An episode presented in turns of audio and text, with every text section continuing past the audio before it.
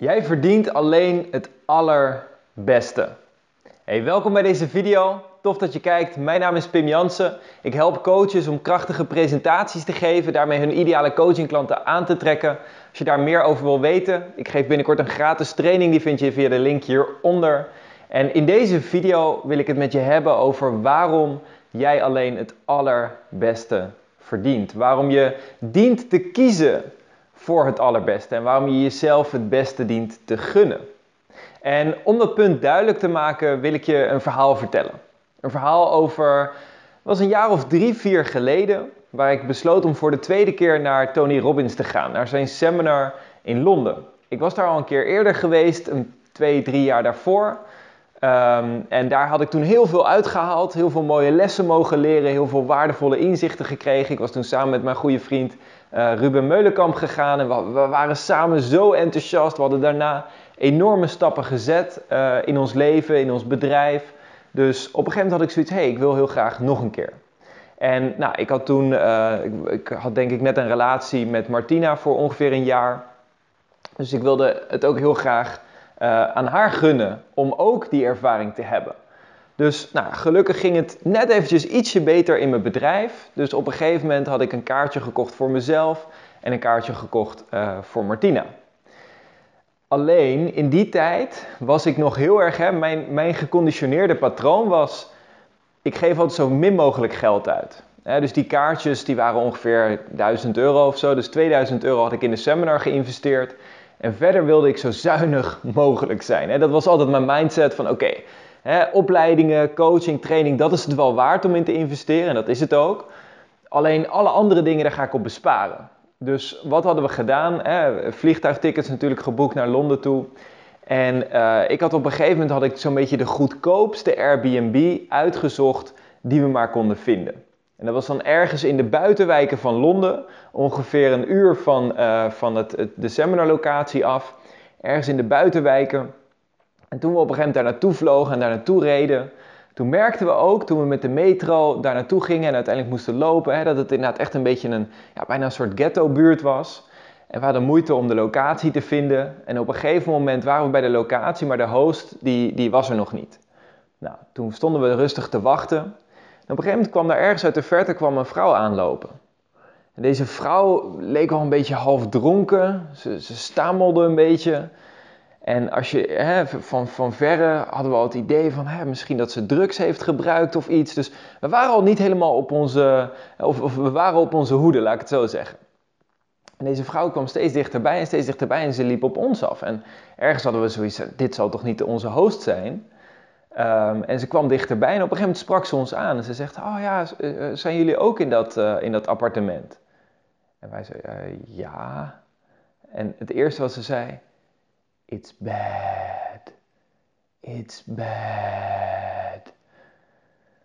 En wij stonden zo en we dachten, shit, waar zijn we aan begonnen? Wat, wat, wat is dit? Is het een soort van, ja, een soort drugs, uh, drugsbende of zo waar we binnenkomen? Of, of een soort, het leek wel alsof we in een horrorfilm terecht waren gekomen. Nou, uiteindelijk, even later, kwam inderdaad de host. Of nee, deze vrouw liet ons, liet ons uiteindelijk binnen. En we kwamen inderdaad binnen. En het huis was inderdaad heel erg uh. Echt heel erg houtje touwtje, simpel. En op een gegeven moment hadden we dan, even later kwam de host, die liet ons het zien. Eh, dit was ook een huis, het was een redelijk klein huis. En volgens mij zaten er wel tien families in. het was echt helemaal vol. Ik weet niet, volgens mij sliepen de mensen praktisch in de badkamer. Het was bijna niet voor te stellen, zeg maar. En op een gegeven moment zaten we op de kamer en ik zat al een beetje van, ja shit, het is niet ideaal. Maar goed, tegelijkertijd, hè, mijn, mijn hoofd was altijd heel goed in herkaderen. Ik dacht, nou weet je wat, we zijn de hele dag bij de seminar, dan kunnen we genieten, springen, inzichten. En dan, we hoeven alleen maar hier te slapen, right? Als we gewoon de deur van onze kamer op slot doen, komt het goed. Maar ik keek naar Martina en ik zag gewoon eigenlijk de, de angst in haar ogen. Gewoon, waar ben ik in vredesnaam terechtgekomen? En ik realiseerde me van ja, ergens in die tijd, ik was best wel een beetje gewend. Hè? Mijn eerste studentenhuis was ook een oud asielzoekerscentrum. En ergens dat stukje armoede, zeg maar. En hè, ho hoewel ik best wel gewoon heel goed ben opgegroeid en het altijd op zich redelijk goed heb gehad, heb ik natuurlijk ook als ondernemer best wel wat, wat tegenslagen meegemaakt. Dus ergens was ik er wel een soort van oké mee. Maar toen merkte ik in één keer van ja, zeker, eh, dan neem ik mijn vriendin mee om, om een fantastisch seminar te hebben. Dan investeren we 2000 euro om een goede opleiding te hebben. En dan zitten we hier ergens in een Aghenembes appartement. Dus uiteindelijk, toen besloot ik ook van, nou Pim, dit kan niet. je hebt hier eventjes de leiding te nemen en te zeggen, oké, weet je wat, we gaan gewoon wat anders vinden. Dus toen heb ik inderdaad uh, tegen die host gezegd van, nou sorry, uh, ja, ik voelde me natuurlijk heel schuldig, want ja, zij, zij hadden ook gewoon niet meer. Dit was voor hun een manier om rond te komen. Maar ik dacht, ja, dit is voor ons gewoon, dit is niet de plek om te zijn. Dit is niet de plek waar we tot ons recht kunnen komen. Dus ik zei van, ja, sorry, uh, dit is niet wat we hadden verwacht op basis van de beschrijving, dus we gaan ergens anders heen. Nou, uiteindelijk last minute nog ergens een hotel kunnen vinden. We hebben uren gezocht. Uiteindelijk om 11 uur s'avonds kwamen we ergens bij een hotel aan waar we dan terecht konden komen en waar we naar binnen konden gaan. Alleen er was nog één kamer vrij en dat was een kamer die ontzettend naar rook stonk.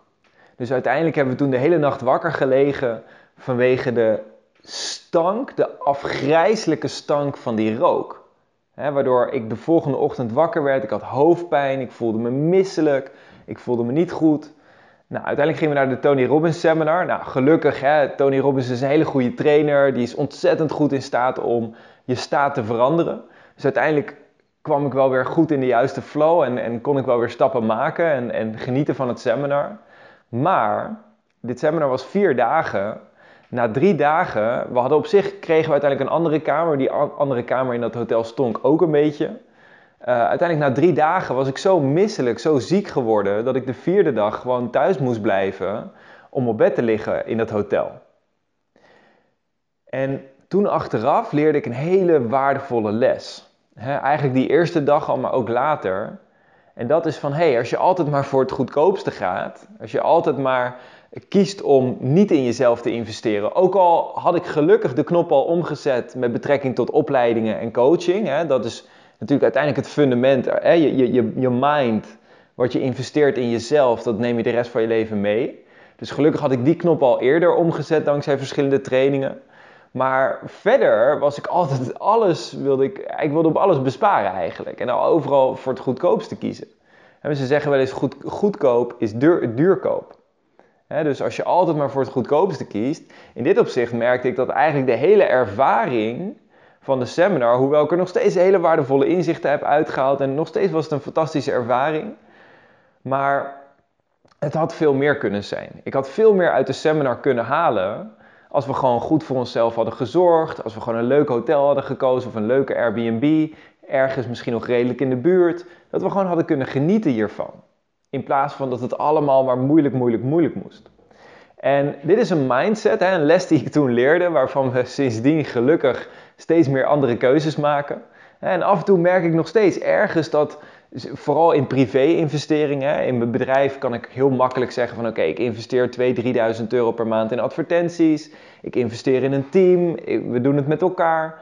Maar privé, hè, om goed voor mezelf te zorgen, heb ik nog steeds wel eens die schaarste gedachten van oh ja, een, een, een leuke Airbnb als we op vakantie gaan of ergens goed voor onszelf zorgen is nog steeds af en toe dat ik merk dat die schaarste gedachten terugkomen. Van, oh ja, maar heb je daar wel de middelen voor of gaat dat wel? En daarin vind ik het zo waardevol om te beseffen dat je uiteindelijk, uiteindelijk verdien je het beste. Hè, die gedachten. En natuurlijk betekent dat niet dat je maar als een wilde overal in te investeren hebt terwijl je dat geld eigenlijk niet hebt. je wil wel tegelijkertijd wel redelijk verstandige keuzes maken. niet naar het casino gaan en alles vergokken.